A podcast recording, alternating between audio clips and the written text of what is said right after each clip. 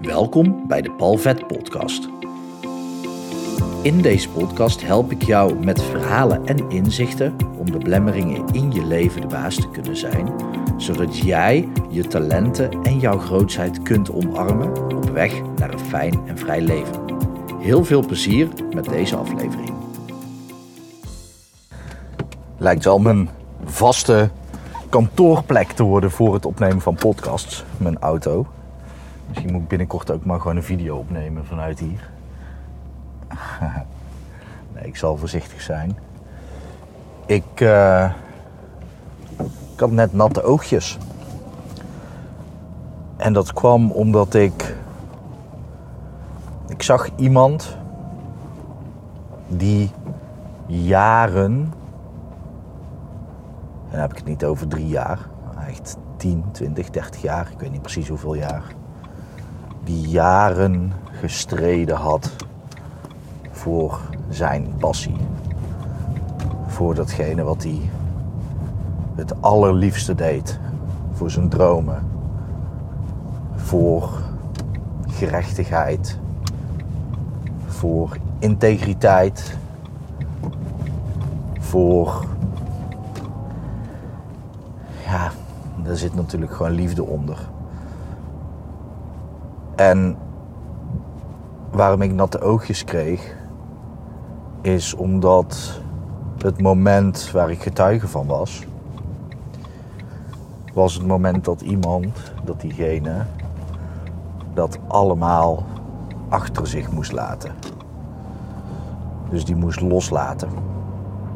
Echt laten gaan.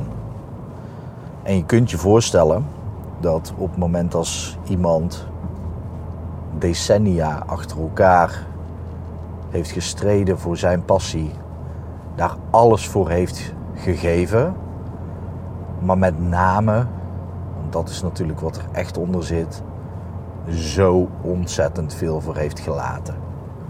Zoveel op heeft geofferd daarvoor. Zoveel dingen heeft het hem gekost om daar te zijn waar dat hij nu is en dan is dat moment daar om het te laten gaan. En dat is fantastisch. En ja, dat doet pijn. Ik kreeg ook niet voor niks natte oogjes, dat raakte mij ook. Overigens ervaar ik dat niet als pijn. Dat is gewoon, een gevoel. En ik leg altijd uit aan mensen dat verdriet liefde is. Want je kunt alleen maar huilen.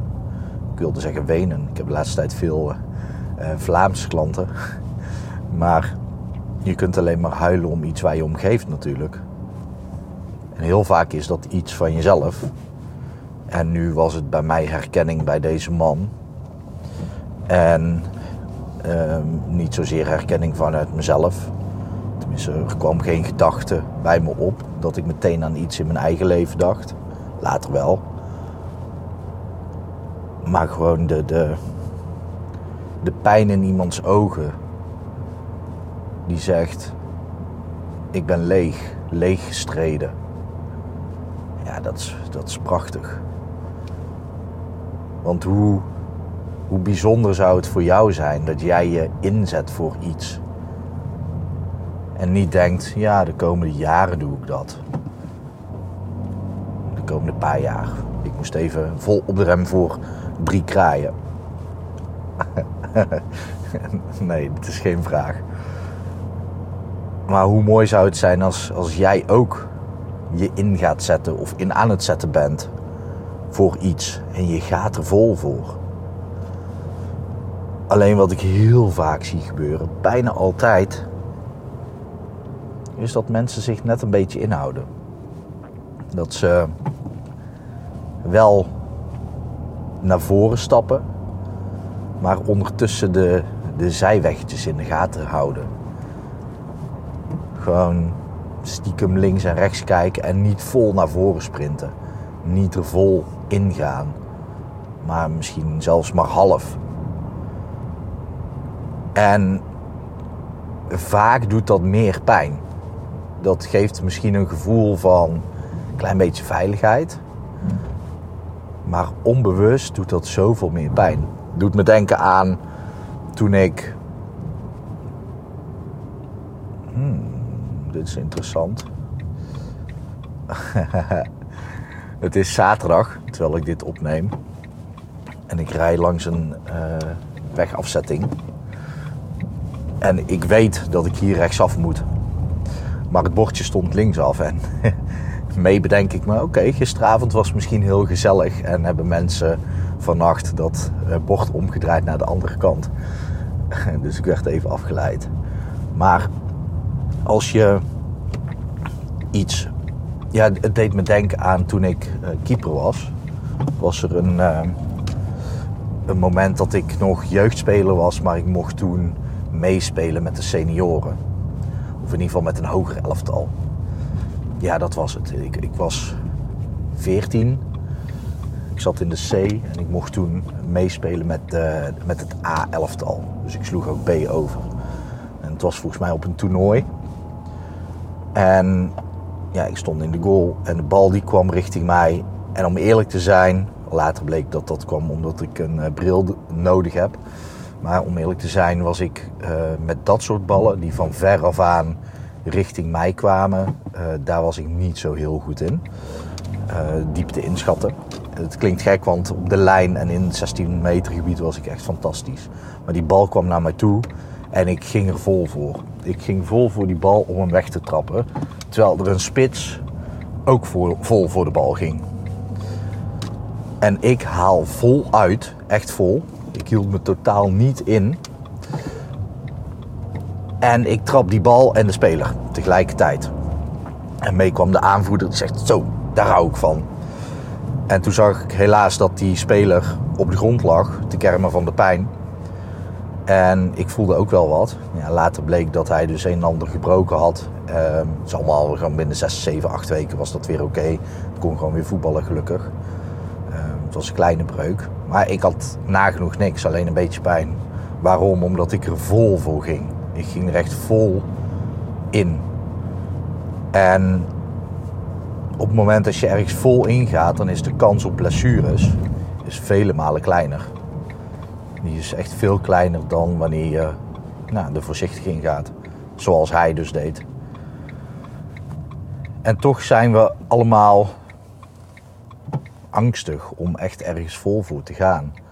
Want we willen dan een slag om de arm houden. Of we willen. Ja. Ik weet niet wat hier allemaal aan de hand is. Er zat een auto echt vol achter me. Nu zie ik een politieauto in een parkje staan.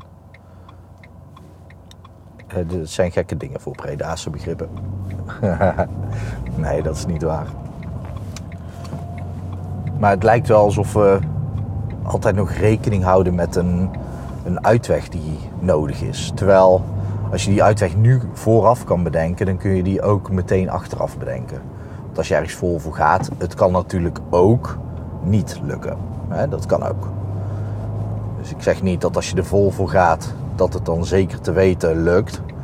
Nee, maar je maakt de kans wel vele malen groter dat het echt lukt. Op het moment als je er echt volle bak in gaat.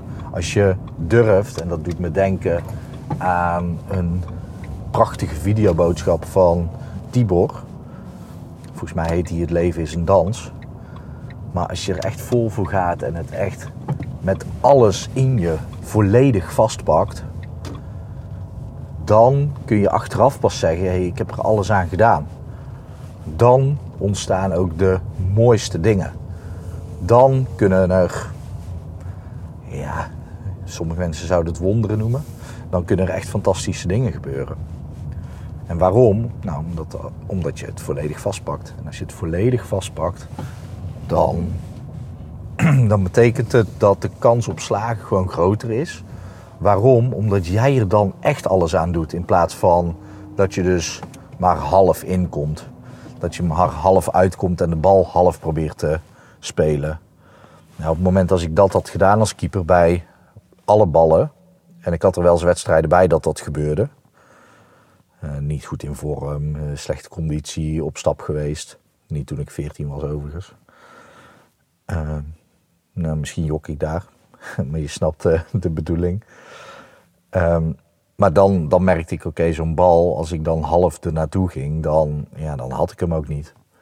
Gewoon 100% vastpakken als iemand volle bak op doel schiet met 100 km per uur. En ik zet er mijn handen achter, dan is het of kiezen voor vastpakken of kiezen voor stompen. Wil ik half stompen, half vastpakken, dan schiet hij door mijn handen en dan belandt hij alsnog in de goal. Dat, dat is wat je in je leven ook ervaart op het moment als je dingen half doet. En met dingen half doen bedoel ik niet dat het perfect moet zijn, maar wel dat jij 100% jezelf inzet.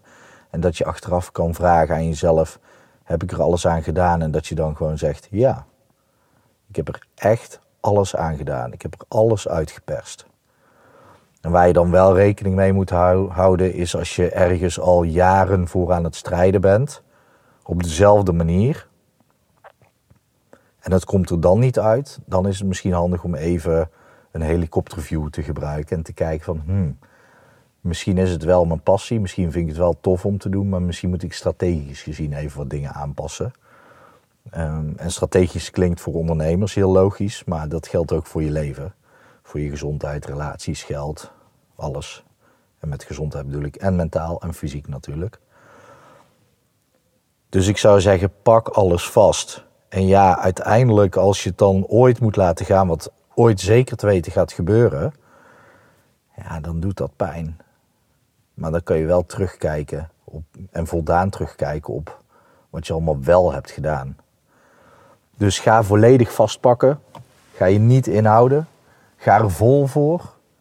En kijk dan eens hoe het resultaat zomaar eens heel anders zou kunnen zijn van wat je nu aan het doen bent. Succes. Ik wens je een mooie dag toe. Ik hoop dat het goed gaat met dierbaren van je. En ik hoop natuurlijk helemaal dat het goed gaat met jou.